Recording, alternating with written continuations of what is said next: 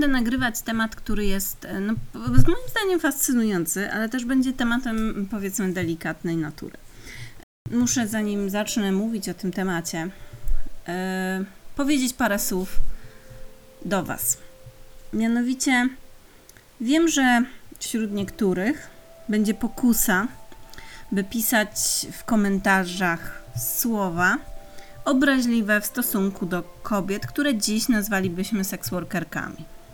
Uprzedzam Was, że ja te komentarze, które będą obraźliwe, um, usunę, ponieważ e, to będzie opowieść o XVI-wiecznym Rzymie, a konkretnie o tym, e, jakie istotne społecznie role pełniły kurtyzany, czyli takie um, wysoko postawione. Dzisiaj byśmy powiedzieli właśnie seksworkerki, e, wtedy raczej po prostu prostytutki.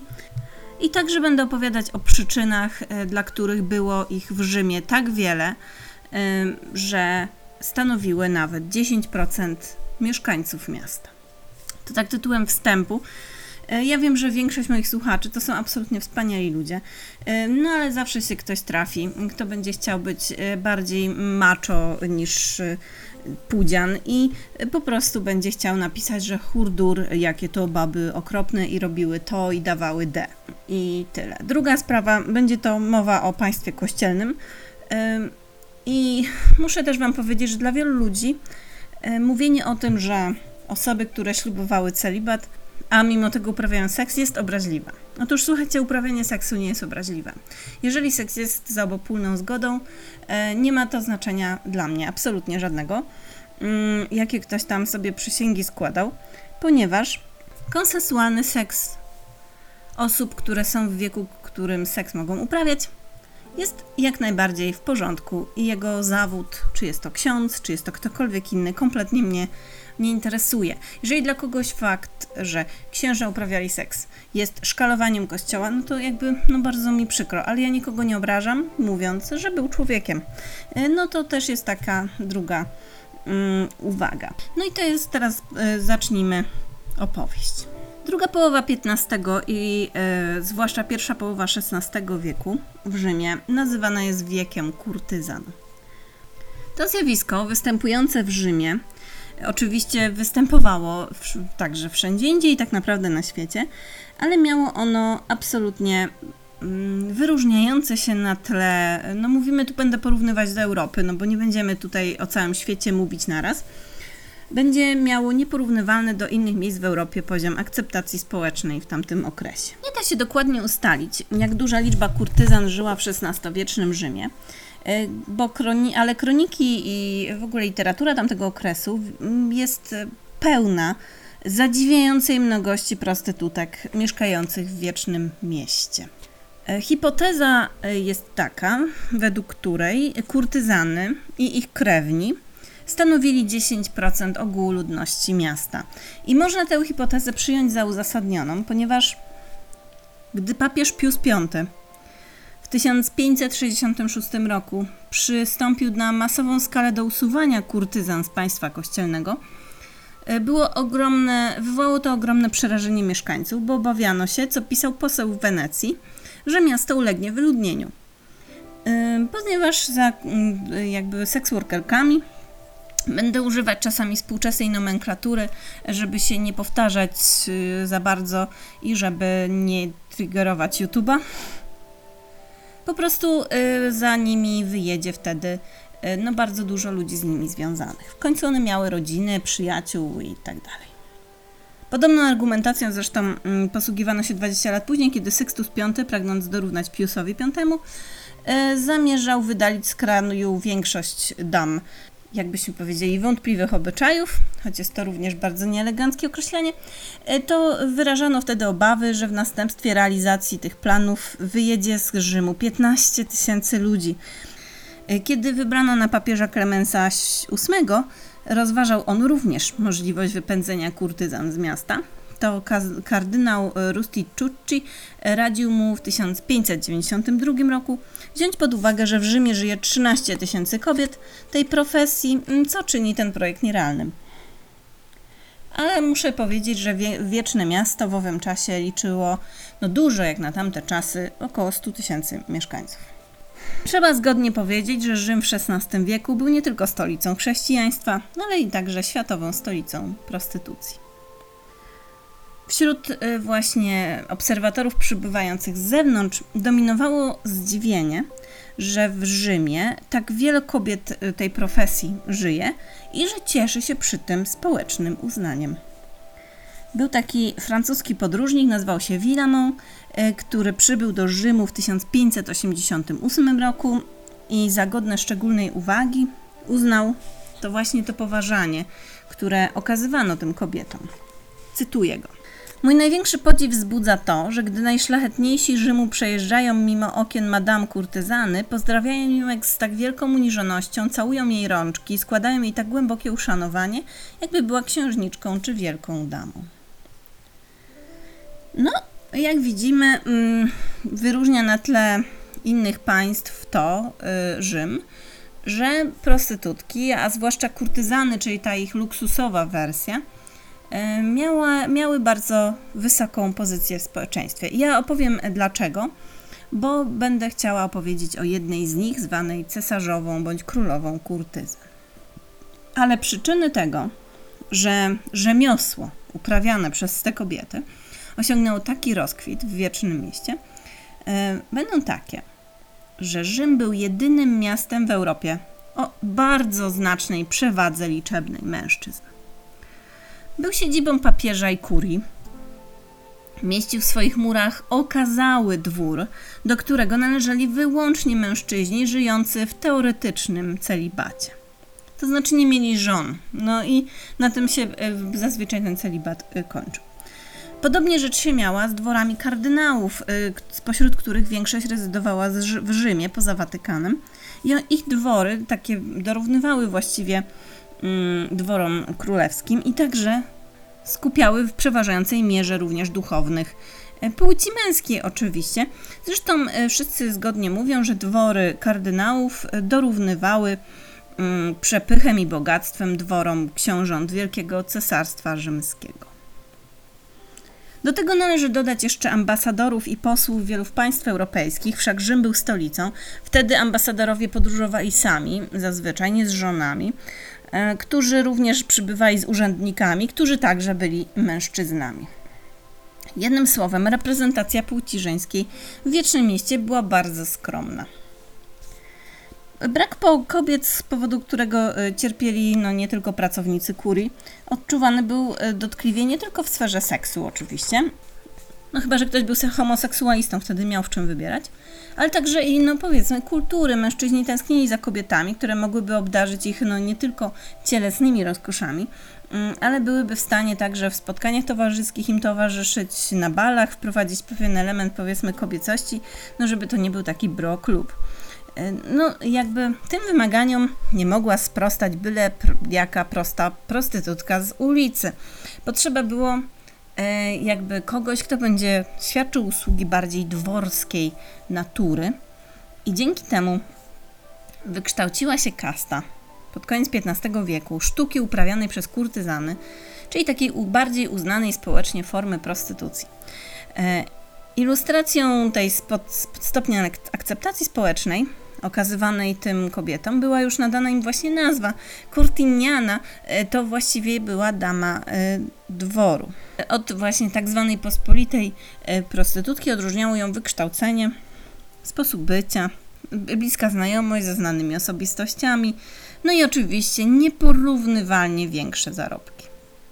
Kobietę taką mógł uczynić swoją oficjalną kochanką nawet wysoki dostojnik kościoła i nie obawiając się z tego powodu niekorzystnych, niekorzystnych następstw dla swojej kariery. E, przeciwnie, zażyłość wtedy ze znanymi kurtyzanami stanowiła właściwie symbol statusu. Zatem dla kobiet e, był to fenomen, ponieważ była możliwość awansu społecznego i ekonomicznego poprzez prostytucję, e, co raczej w ten sposób zwykle się nie zdarzało bez konieczności na dodatek z przejawami, kontaktu z przejawami e, ostracyzmu społecznego. Zatem kobiety ciągnęły do Rzymu, by spróbować swojego szczęścia jako kurtyzany. Niektórym udawało się zrobić błyskotliwe kariery, które umożliwiały im po prostu niezależność. Stanie się właściwie kobietami interesu, mm, bogatszymi o okazały posag i który stawał, y, który sprawiał, że miały być szanse zostać e, szanowanymi małżonkami. Ponieważ dla kobiet tamtego okresu nie było za dużo możliwości kształtowania samodzielnie swojego życia. I tutaj znajdujemy główną przyczynę, która sprawiała, że dla kobiet to wcale nie była taka straszna opcja, choć brzmi to tak naprawdę strasznie.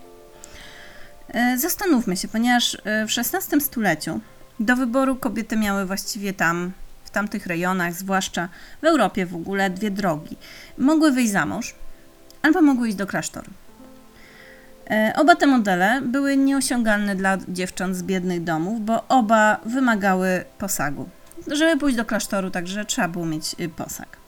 To nie jest tak, że zakonnice przyjmowały biedne duszyczki tylko dlatego, że te miały tak zwane powołanie. Nie, nie, nie, nie, nie. Do klasztoru się szło, jak się miało pieniądze.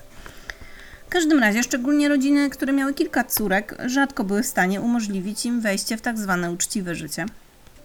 Młode kobiety niedysponujące posagiem musiały same zadbać o to, by sobie poradzić w życiu, co nie było łatwe, bo jakby szanse zawodowe e, kobiet samotnych, zwłaszcza, były bardzo skromne.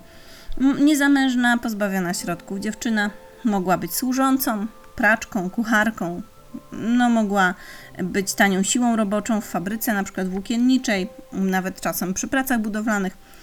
E, na wsi mogła być służącą, podczas żniw pracować za dniówkę, ale wszystkie te zajęcia miały wspólną cechę. Wymagały po pierwsze ciężkiej pracy fizycznej, po drugie nie dawały bardzo dobrego wynagrodzenia, nie dawały uznania społecznego i nie dawały możliwości żadnego awansu społecznego. Po prostu przejebane. Profesja kurtyzany stanowiła dla właśnie takich samotnych, niemajętnych kobiet realną możliwość osiągnięcia e, no, dobrobytu i uznania społecznego, a, na, a przynajmniej zgromadzenia majątku, by resztę życia być po prostu niezależną. Łatwo się domyślić, że większość kobiet e, parających się tym rzemiosłem w Rzymie było, wywadziła się właśnie z niższych warstw społecznych, próbowała uciec przed nędzą. E, oczywiście tutaj byłoby naiwnością twierdzić, że wszystkie robiły to z własnej woli, bo nie wszystkie z rzymskich kurtyzan decydowały się dobrowolnie na tę profesję ze względu na niezwykle korzystne możliwości zarobkowe. Zwłaszcza w przypadku dziewcząt bardzo młodych, nierzadko ten wybór tej drogi życiowej był wymuszany przez osoby trzecie zapewniające sobie w ten sposób łatwy pieniądz. No mówię tu oczywiście o stręczycielstwie, czasami stręczycielstwie po prostu w rodzinie. Czasami matki zmuszały przemocą swoje córki do prostytucji, ponieważ z dochodów y, no, takich można było utrzymać całą rodzinę. W aktach sądowych Rzymu można znaleźć liczne opisy spraw młodziutkich kurtyzan właśnie tyranizowanych przez e, swoje rodziny.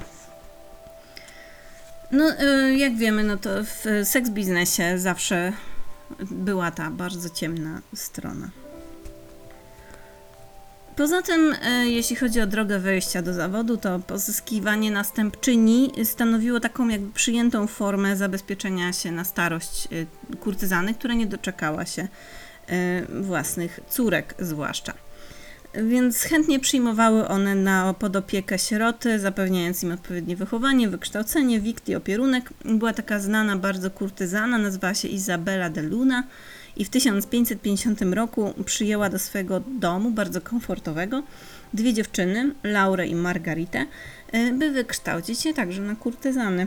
Dwa lata później wiemy, że obie te dziewczyny wykonywały już swoje rzemiosło we własnych domach, utrzymując stały kontakt ze swoją przybraną matką, która im służyła stale pomocą.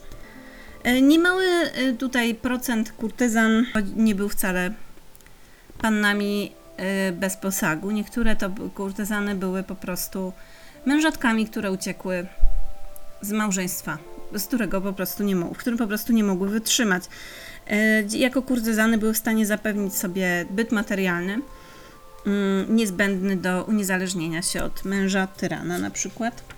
Jeśli chodzi o akurat Rzym i papiestwo i generalnie całą tą strukturę jeszcze rządową jakby, no to trzeba powiedzieć, że za panowania papieża Aleksandra VI Borgi, słynnego Borgi, prowadzenie burdelu w wiecznym mieście spotykało się nie tylko z tolerancją, ale było dochodowym interesem dla kurii.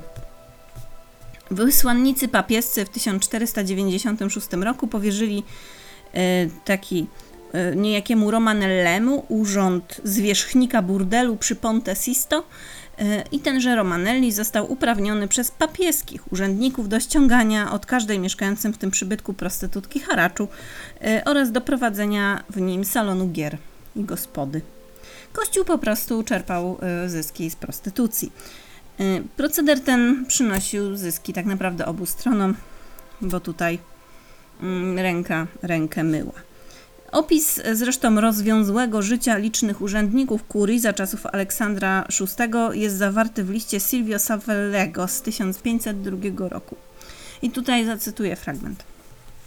Kto nie miałby wstydu, by wymienić te okropne i monstrualne akty rozpusty, jakich bez czci dla Boga i ludzi dokonywano w tym miejscu – Liczba stosunków pozamałżeńskich, przypadków kazirodztwa, gwałcenia chłopców i dziewczynek, liczba nierządnych zwłóczących się po placu Świętego Piotra oraz gromady obecnych tam rajfurek przewyższają swym bezstydzie bezstyd burdeli i domów uciech. Rzym, jak widzicie, Watykan. Bardzo było to specyficzne miejsce w XVI mm, wieku. Jeszcze jeśli chodzi o właśnie tą strukturę społeczną i ten brak absolutny kobiet w życiu miasta, to musimy jeszcze uznać e, jedną rzecz, że właściwie tych kobiet na ulicach nie było. A to dlaczego? Mianowicie struktura Rzymu dla przełomu XV i XVI wieku była taka, że e, kobiety nie wychodziły na ulicę. Uczciwa kobieta, tak zwana, poddana była tak surowemu zakazowi wkraczania poza, wykraczania jakby poza sferę domu, że y, odmawiano jej nawet często prawa do udziału w biesiadach, spotkaniach towarzyskich, podczas których miałyby sposobność zetknąć się z innymi mężczyznami niż jej małżonek i krewni. Jest to zasadniczo taka struktura, która dziś obowiązuje w radykalnym y, islamie. Michel de Montaigne y, pisał Stan małżeński w owym kraju choruje z tego powodu, że tamtejsze obyczaje nakładają na kobiety tak bezwzględne niewolnicze wprost zasady, zgodnie z którymi powierzchowny choćby kontakt z obcym mężczyzną obciąża ją jako przestępstwo równe znajomości w najwyższym stopniu zażyłej. Jednym słowem, jak ktoś zobaczył kobietę fraternizującą się z jakimś obcym mężczyzną, to mogła zostać wyzwana od dziwek. No po prostu. E, I to był cytat z 1580 roku. W tym samym roku pewien Holender, Arnold Bushel, e, nie mógł się nadziwić, że rzymskim dziewczętom z zacnych rodzin nie wolno było w ogóle wychodzić z domu po zakończeniu przez nie 12 roku życia. E, choć ja myślę, że mogło to mieć też coś wspólnego z tym, że w mieście było tak wielu mężczyzn, że one po prostu nie były tam bezpieczne. Jednym słowem, kulturowo była uwarunkowana nieobecność kobiet w mieście niewidoczne były.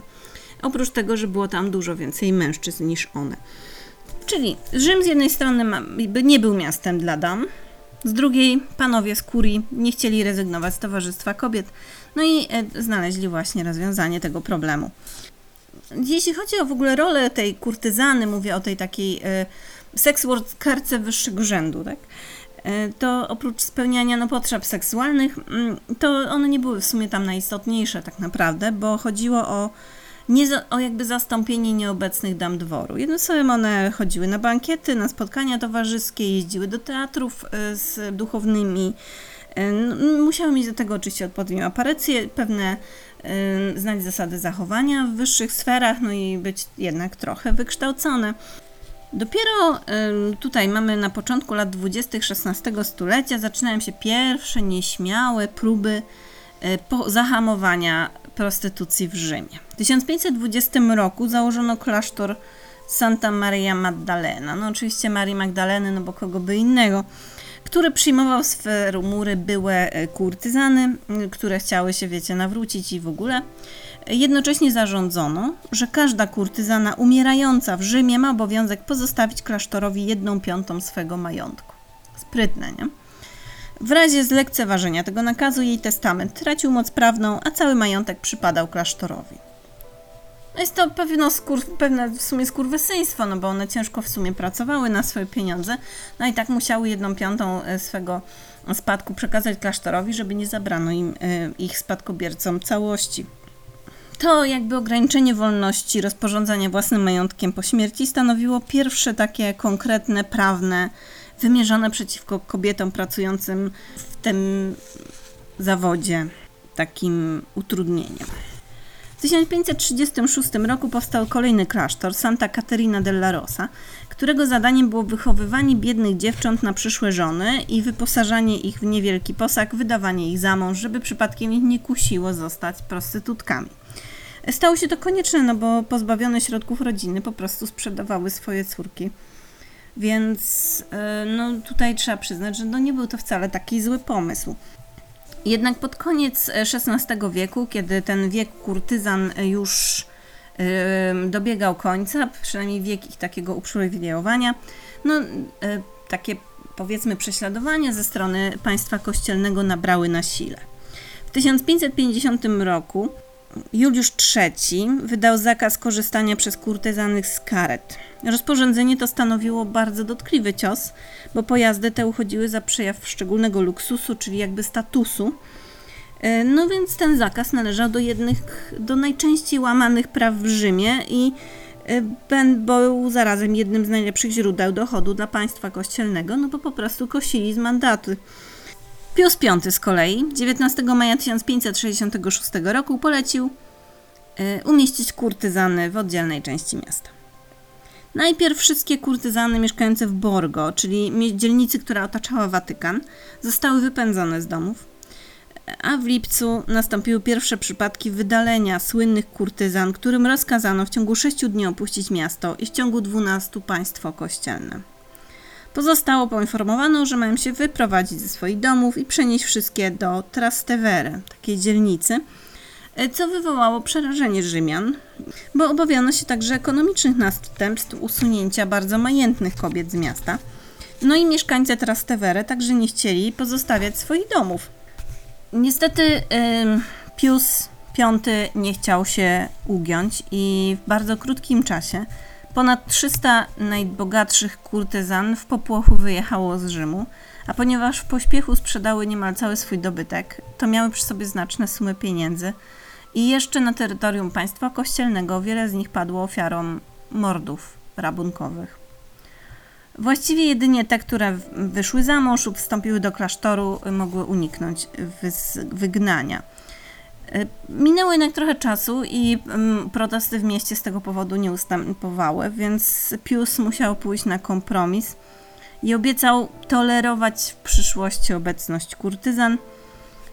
I ponieważ mieszkańcy Trastevere nie chcieli ustąpić swoich domów, to chciał wyszukać jakąś inną dzielnicę, w której dałoby się wszystkie kurtyzany umieścić. Wybrano dzielnicę Hortaccio.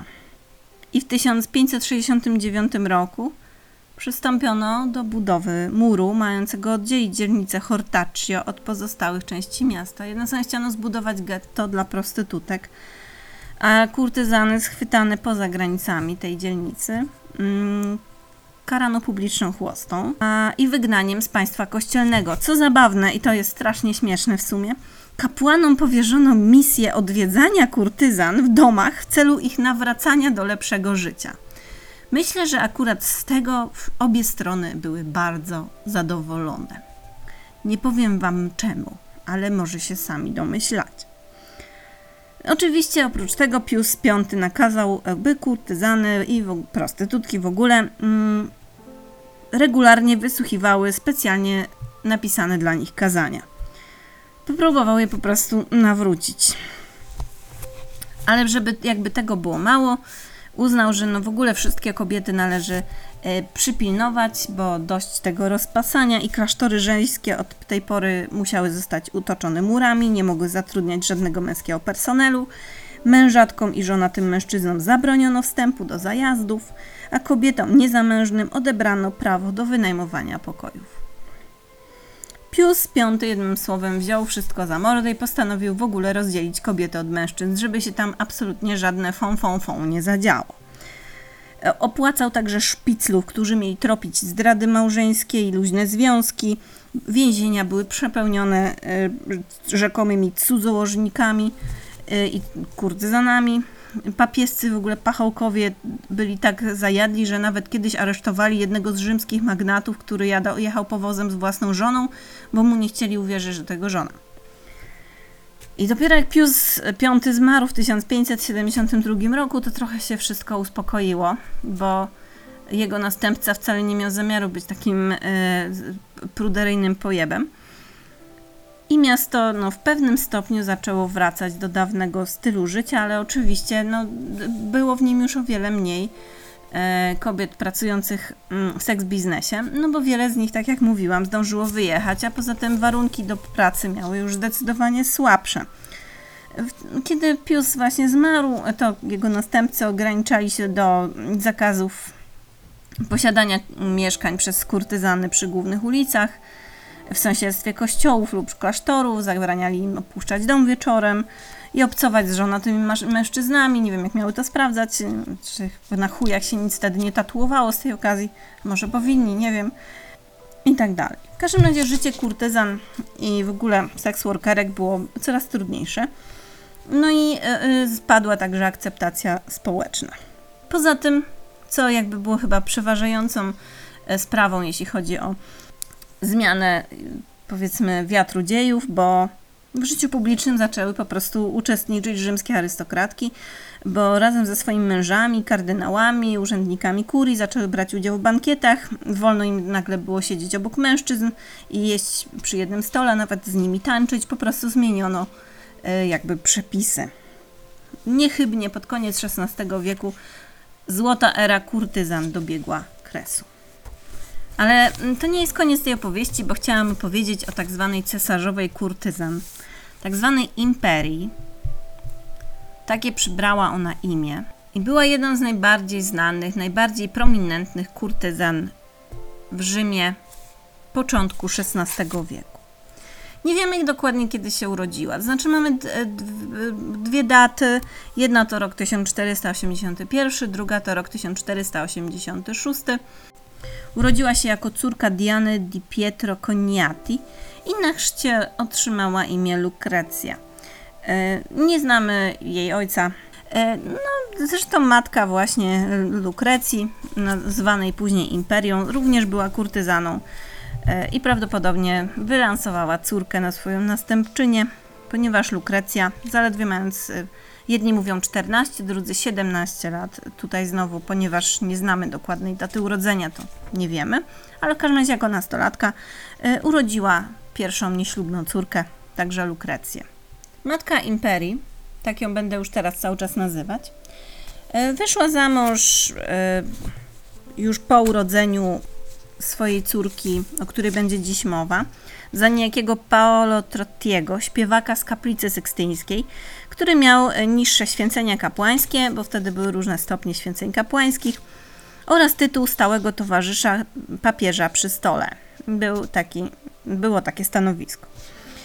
W tych w najbliższych latach on i właśnie matka e, imperii kupowali i wynajmowali wiele nieruchomości w dzielnicy Borgo, czyli tam bezpośrednio wokół Watykanu i powiększyli swój dom i sprawili, że były on bardzo zamożny.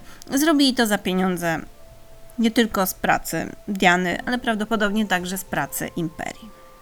Dobrze brzmiące imię, Imperia, przyjęte przez Lukrecję, gdy zaczęła cieszyć się coraz większym powodzeniem, w źródłach pojawia się po raz pierwszy w 1506 roku, bo w czerwcu tegoż roku poseł Mantui Girolamo Arsago, nie wiem czy to się tak czyta, bo znalazłam różne wersje, więc whatever, donosił, że w Rzymie na polecenie papieskiego urzędnika dworskiego został zamordowany niejako Giacomo Stella. Powodem była zazdrość o kurtyzanę znaną pod imieniem Imperia. Dama ta nie musi się niczego obawiać, wyjaśniał, albowiem dzięki łaskawości kardynałów cieszy się najwyższym uznaniem. Można przyjąć, że kurtyzaną właśnie, o której pisał Arsago, e, była właśnie córka Diany, która jako dorosła już kobieta występowała we wszystkich oficjalnych dokumentach jako Imperia de Cognatis. Dokładną listę kochanków y, wysoko postawionych imperii zawdzięczamy pewnemu typowi z Bolonii, Filippo Beroaldo, który znany jest być może niektórym jako autor komentarzy do Tacyta, ale był tak naprawdę kierownikiem watykańskiej biblioteki i prowadził bardzo skrupulatną buchalterię. Wymienione nazwiska obejmują na przykład kardynała Giacomo Sadoleto, kanonika Tommaso Inigrami, zwanego Fedrą. Jego postać jest utrwalona na jednym z portretów Rafaela, który także był kochankiem e, imperii. Tak, tenże Rafael, który malował piękne portrety. Jej kochankiem był także arcybiskup Angelo Colocci, kanonik Bazyliki Świętego Piotra Bernardino Capella. Nazwisk tych znanych jest osiem, także nie są to jakieś dzikie tłumy. Być może pojawiali się jacyś pojedynczy mężczyźni, którzy nie byli e, powszechnie znani jako jej kochankowie, no ale e, będziemy mówić o kilku z nich za chwilę. Jeśli chodzi o najważniejszych e, dla samej imperii kochanków, to byli dwóch. Było ich dwóch takich, których ona, z tego co wiadomo z różnych źródeł, sama darzyła uczucie. Był to na przykład rzymski arystokrata Angelo del Buffalo. Żonaty oczywiście. Żona w takich rzeczach to nigdy nie przeszkadzała.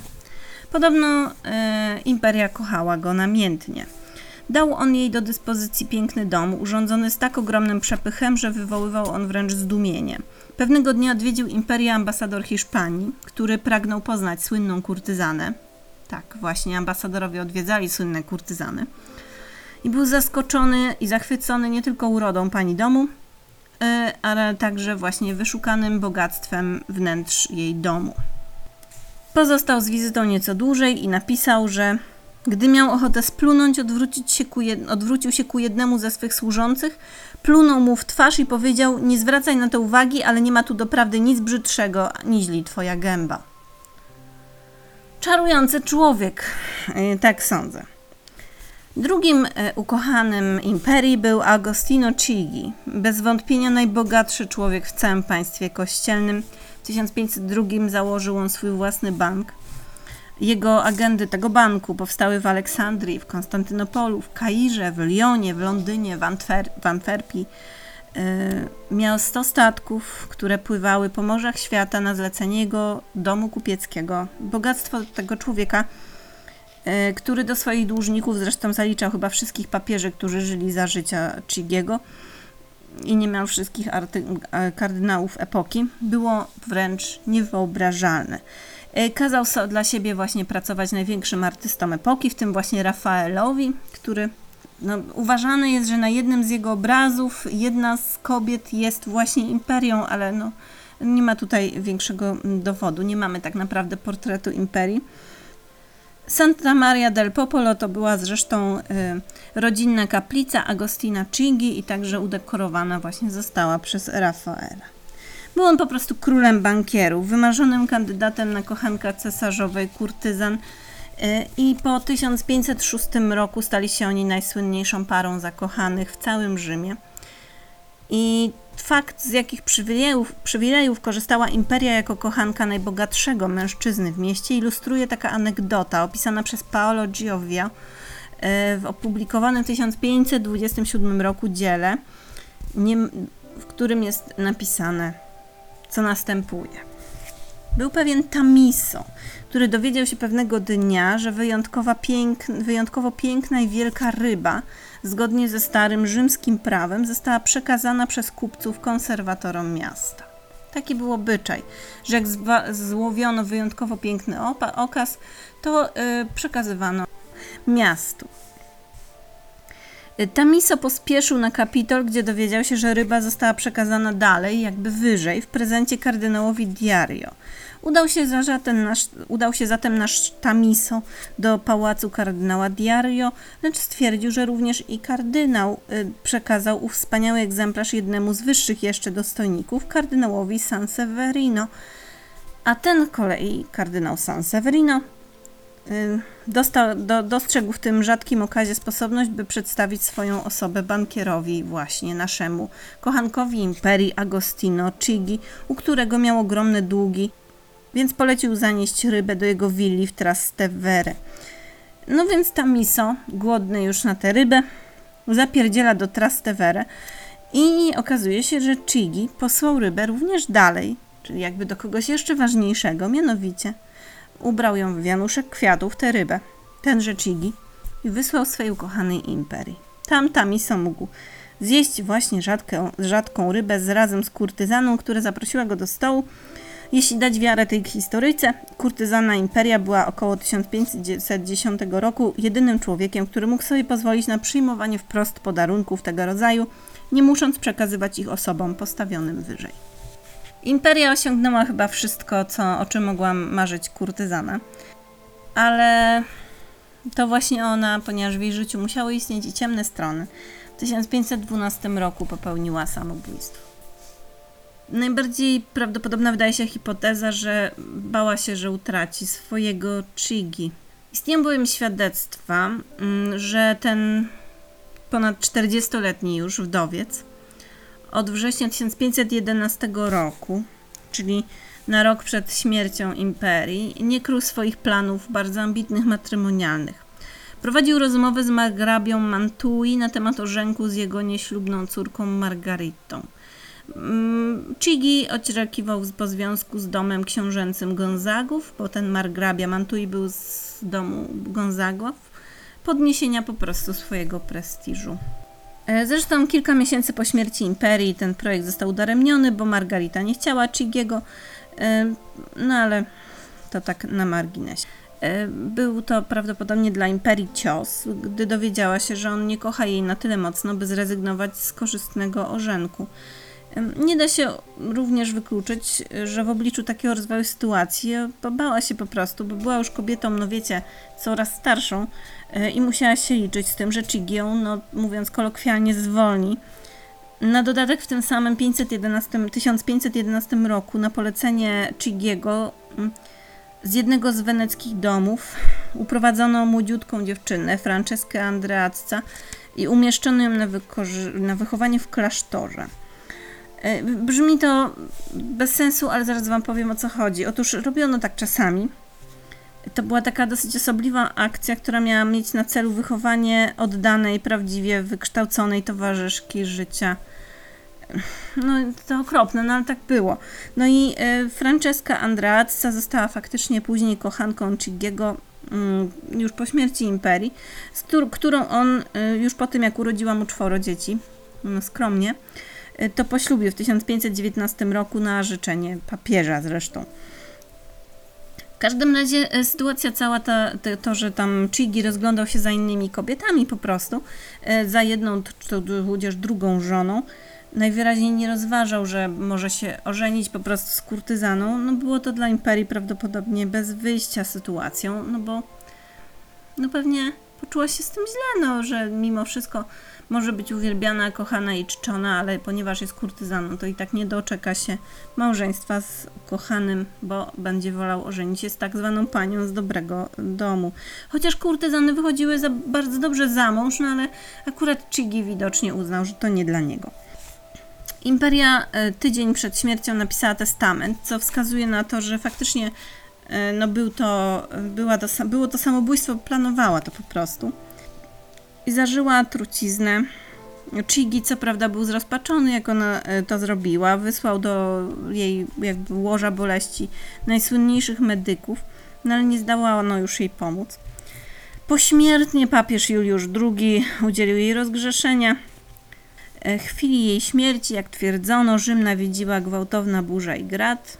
Agostino Chigi pochował swoją kochankę w przepysznym marmurowym grobowcu w kościele San Gregorio na Montecelio.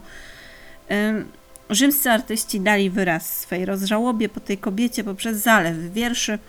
Największą sławę zyskały tutaj wiersze Gianfrancesco Vitale, e, w którym autor stawia na równi śmierć imperii z utratą imperium rzymskiego. I tutaj zacytuję ten wiersz. Oddajmy imperii y, sprawiedliwość. Dwóch bogów dało Rzymowi dwie, dwa wielkie dary. Mars dał imperium, a Wenus imperię.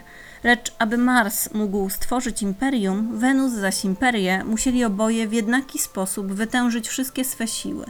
Przeciwnikami ich byli Fortuna i Śmierć. Fortuna ukradła imperium, śmierć porwała imperię.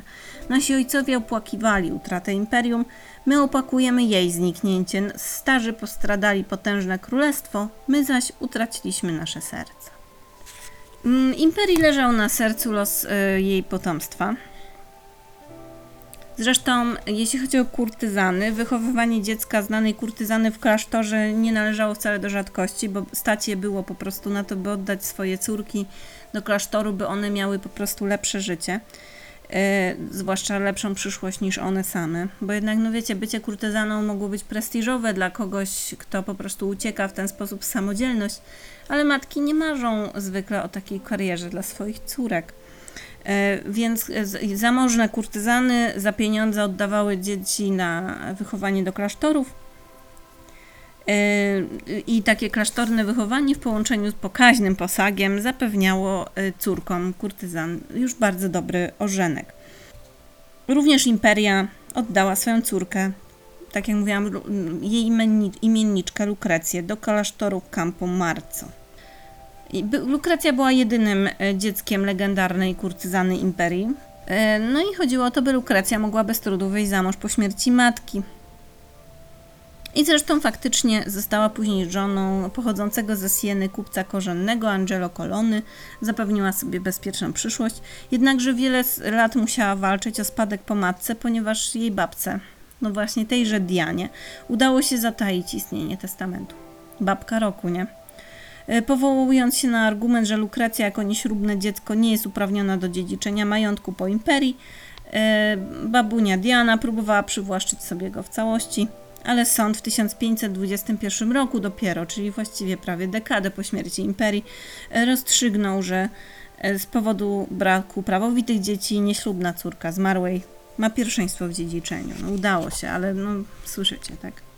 Jeszcze tutaj na koniec, e, no jest to koniec opowieści trochę o kurtyzanach i koniec opowieści o naszej e, cesarzowej kurtyzan imperii, ale jeszcze na koniec chciałam tutaj parę ciekawostek takich dorzucić na koniec, że, że na przykład słowo curialis łacińskie miało wtedy podwójne znaczenie. E, Określało ono zarówno dostojników, zarówno dostojników kurii, jak i kurtyzany. No jest to dosyć zabawny zbieg okoliczności, ale prawda jest taka, że byli oni sobie właściwie w pewnym sensie równi, bo na przykład w 1501 roku biskup Volterry wydzierżawił grunty kurtyzanie Adrianie de Corneto i jej spadkobiercom i biskup i kurtyzana figurują w kontrakcie jako równoprawni partnerzy. I w tym kontrakcie y, Adriana właśnie, kurtyzana, nie ukrywa swojej procesji, określona jest jako curialis romanam curiam sequens, czyli kurtyzana związana z kurią rzymską. To dość ciekawe, że e, w oficjalnych dokumentach także te inne kurtyzany, nie tylko te związane z kurią, e, określały się w dokumentach jako honesta mulier, czyli po prostu uczciwa kobieta. E, To określenie jest niezwykle pomocne w zrozumieniu statusu społecznego kurtyzan tamtej epoki, bo już później, kilkadziesiąt lat później, byłoby nie do pomyślenia, by przydać miano honesta, uczciwa kobiecie utrzymywanej no, przez mężczyzn, którzy, którym świadczy usługi seksualne. Ale wtedy, mm, w tym, przez tym, w tym krótkim okienku, kiedy kurtyzany rządziły Rzymem, za uczciwego, za honesta uchodził po prostu każdy, kto miał zasoby finansowe, e, wykształcenie i po prostu zasługiwał z tego powodu na respekt. Więc jeśli kurtyzana była bogata, to była honesta. No, takie to, no takie to czasy. No i to tyle. Mam nadzieję, że y, taki temat trochę, trochę o kobiecie jednej, a trochę tak naprawdę o kobietach wielu ym, nie był za bardzo nużący. Ale to zjawisko opisane w y, książce pod tytułem Córy Wenus Moniki Kursel jest naprawdę nadzwyczajne. Znaczy, to było stulecie y, wyjątkowo specyficznego funkcjonowania państwa y, kościelnego, y, ale także wyjątkowo takie niezwykłe nawet na tle Europy. No i to y, tyle na dzisiaj. Mam nadzieję, że y, no jakoś uchwyciliście, co chciałam przekazać. Do usłyszenia.